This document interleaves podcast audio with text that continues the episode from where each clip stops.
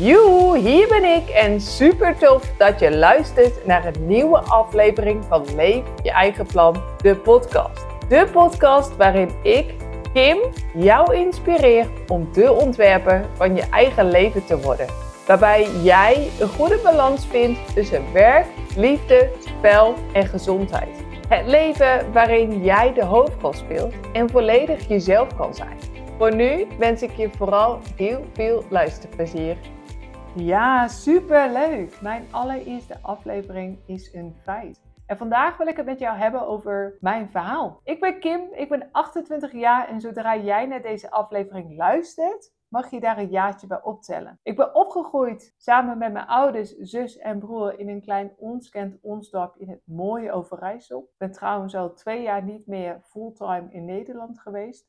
Daar later meer over. Ik heb een hele leuke en fijne relatie met een Engelsman. En ik wil jullie eigenlijk vooral even meenemen naar het begin van mijn verhaal. En dat begon allemaal als kind. En ik kan echt niet meer alles in details voor me zien hoe het is gegaan. Maar ik kan wel terugkijken op een fijne jeugd. Waarin ik kind kon zijn, waar ik lekker mezelf kon zijn. Althans, voornamelijk nog op de basisschool. En er is een omschakeling geweest en daar vertel ik later meer over. Als kind op de basisschool ja, mocht ik negen jaar genieten van de basisschooltijd, waarin ik lekker kind was, waarin ik veel aan het spelen was, waarin ik ja, niet zo goed was in leren. Ik heb dyslexie, waardoor leren een uitdaging voor mij was. En dan kun je denk ik wel beamen dat de vakken waar je gewoon niet zoveel interesse in hebt, die je gewoon niet zo leuk vindt, nog wat pittiger zijn dan de andere vakken. Het kostte mij gewoon meer tijd, meer energie om ja, door die lesstof heen te komen, het ook te onthouden en goede cijfers te halen. Ik genoot dus negen jaar van de basisschooltijd en vanuit daar kreeg ik gelukkig zonder druk de ruimte vanuit huis om mijn eigen pad op mijn eigen tempo te bewandelen. Ik begon op VMBO 2 en ik ben uiteindelijk, op dat moment wist ik dat natuurlijk niet, maar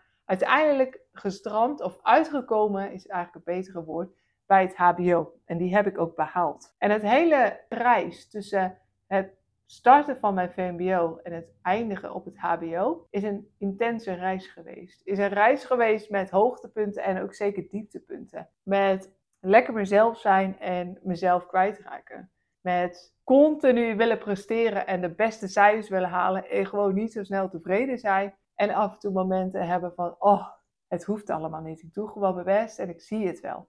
En dat is een hele reis geweest en dat is een heel avontuur geweest. En ik kan daar nu heel diep op ingaan, maar dat ga ik niet doen. Ik heb gedurende deze podcast ga ik elke keer stukjes eruit halen waar ook jij wat aan kan hebben, waar ook de luisteraars wat aan kunnen hebben. Bijvoorbeeld, hoe ben ik omgegaan met het stukje uh, perfectionisme? Hoe heb ik dat wat meer los kunnen laten? En hoe ga ik daar op dit moment mee om? Hoe ben ik omgegaan met alle verwachtingen en verplichtingen van ja, vanuit de maatschappij. Ehm, dus daar in, ja, in verschillende afleveringen van de podcast zul je daar dus stukjes van terug horen. Waarin ik ook heel veel mooie linkjes en handvaten uitreik. Waar jij ook wel wat aan kan hebben. Misschien niet, misschien wel. Dat is dan aan jou. Maar voor nu, als ik dus terugkijk op die tijd, van de VMBO tot HBO, staan drie dingen centraal: doorzettingsvermogen, wilskracht en bewijsdrang. En het laatste, dus het stukje bewijsdrang, is misschien niet eens zo heel erg positief. Maar ik wil het ook niet negatief benoemen. Het is namelijk net hoe je het pakt. En ik vraag me wel eens af, maar goed, tegelijkertijd laat ik het los, omdat ik weet dat het niet heel veel zin heeft. Waarom had ik zo'n bewijsdrang om te laten zien dat ik ook een HBO-diploma kon halen? Kwam dat volledig vanuit mezelf? Of kwam dat meer vanuit de wereld om mij heen? Maar goed, die drie dingen stonden dus centraal om te komen op het punt waar ik uiteindelijk ben geëindigd bij het behalen van mijn HBO-diploma. En het mooie was, ik had mijn HBO-diploma op zak. En dat laatste jaar, waarin je dus je afstudeerproject aangaat, vroeg ik mezelf wel eens af: wil ik dan nu nog een master doen, ja of nee? En ik twijfelde erover, want heel veel mensen in mijn omgeving gingen door naar een master. En ik vroeg mij steeds meer af: wil ik dat echt? Of doe ik het omdat ik dat moet doen, omdat de maatschappij vindt dat ik het moet doen? Of doe ik het omdat ik mezelf weer wil bewijzen van, hey hallo, zie mij, ik ben van VMBO 2 opgegroeid en ik heb uiteindelijk ook zelfs nog mijn master gehaald. Maar goed, Ik heb het uiteindelijk niet gedaan. Ik heb afgestudeerd en toen kwam ik natuurlijk met de brandende vraag, die jij misschien ook nog wel herkent. Wat ga ik nu doen? Ik heb nu mijn diploma's op zak. Ik ben afgestudeerd. Wat ga ik nu doen? Is dit nou echt wat ik de rest van mijn leven wil doen? Werken voor een baas? Werken in dit werkveld? Vind ik überhaupt het werkveld nog wel superleuk dat ik die, hè, die ik dus al jaren, jaren ervoor heb gekozen, past dat nog steeds bij mij? Ja, hoe ga ik daarmee om? En hoe ga ik er tussenkomen? En ik heb uiteindelijk echt de beste keuze gemaakt die ik op dat moment had kunnen maken. Is ik heb boel, de boel gelaten. Ik heb gezegd, het is eerst tijd voor mij. Ik ga op reis. En dat stukje op reis, dat is ook helemaal niet vanzelfsprekend geweest. Want als kind had ik gewoon enorme heimwee. Ik vond het al rete spannend als ik bij de buren moest slapen. En ik heb ook verschillende kampen niet eens op locatie geslapen, maar dat mijn vader of mijn moeder me kwam ophalen. De ene keer ging het goed, de andere ging het wat minder goed. De ene keer heb ik het geprobeerd, de andere keer heb ik het niet geprobeerd. Maar als kind had ik heimwee. En ik maakte op een gegeven moment tijdens mijn, ja, volgens mij is dat eind VMBO-tijd geweest, begin MBO-tijd, maakte ik wel reisjes in mijn eentje waarbij ik deelnam aan een jongerenreis. Hè? Dus naar Kroatië, Frankrijk, België, verschillende locaties, super tof. Dus zo kwam ik steeds meer los te komen van de heimwee. Ik kwam er overheen, ik genoot ervan, tot ik het een mooi, grappig moment, echt op dat moment vond ik het helemaal niet zo grappig, maar achteraf kan ik daar wel echt om lachen. Ik bedacht om naar België te gaan. Maar niet zomaar naar België, niet voor vakantie, deels vakantie, een werkvakantie in België. Zomervakantie, werken in België. Ik pakte de trein, ik had een baan. Ik pakte de trein. Nou. Maar ik ga nu niet de hele clue van dit verhaal vertellen, want uiteindelijk heb ik een hele mooie aflevering later voor jou klaarstaan. En daar ga ik ook niet helemaal in op dit onderwerp België, maar dan ga ik het wel hebben over het thema. Want dit verhaal, waarin ik dus echt volmondig aan begon, dat ik ja, dit ga ik doen, liep eigenlijk helemaal anders dan ik had verwacht. En sterker nog, hoe snel ik in België was, hoe snel ik misschien zelfs wel weer terug was in Nederland. En hoe ik uiteindelijk om ben gegaan met het verleggen van mijn grenzen en het overwinnen van angsten.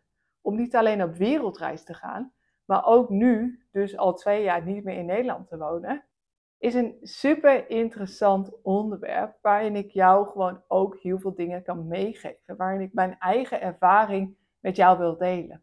Dus daar komt een andere aflevering over. En een andere drive van mij was om na mijn HBO gelijk op wereldreis te gaan. Is omdat ik vanuit mijn jeugd eigenlijk gewoon alle jaren heb meegekregen dat het leven ons geen enkele garanties geeft.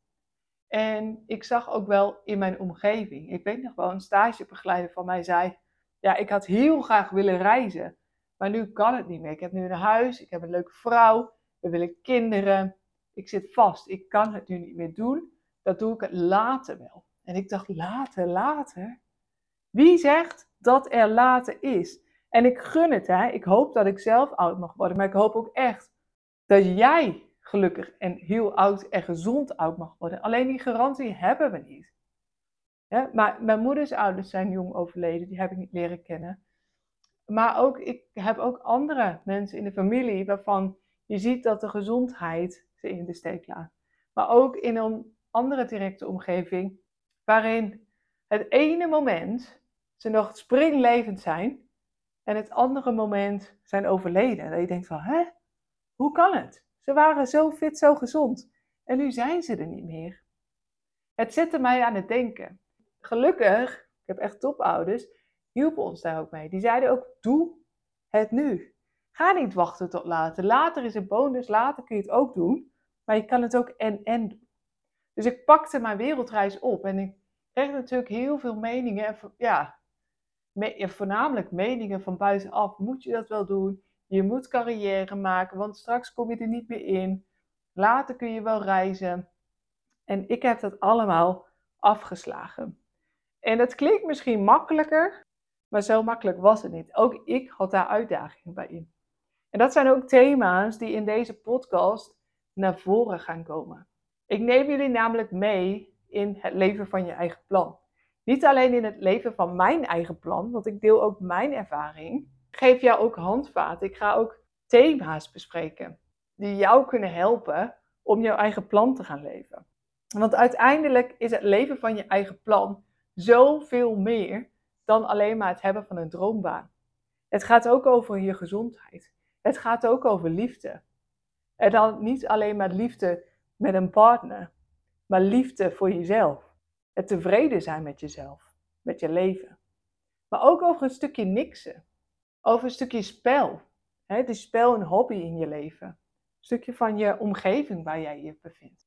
Hoe ga je daarmee om? Hoe ga je met alle uitdagingen om? Wat, wat vertel jij jezelf? Waar geloof jij in? Wat is je mindset? Wat is je passie? Het gaat om zoveel meer. En tijdens deze podcast pak ik elke keer weer een thema eruit, een onderwerp uit die jou gaan helpen, zodat ook jij jouw eigen plan kan gaan leven, kan gaan ontwerpen. Dat was hem voor vandaag.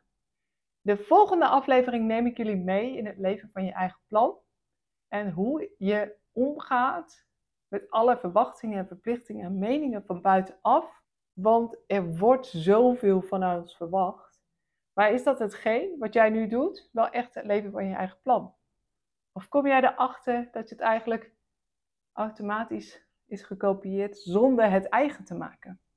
En daarnaast komt er uiteraard ook nog een hele leuke aflevering over angst en het overwinnen. Het verleggen van je grenzen.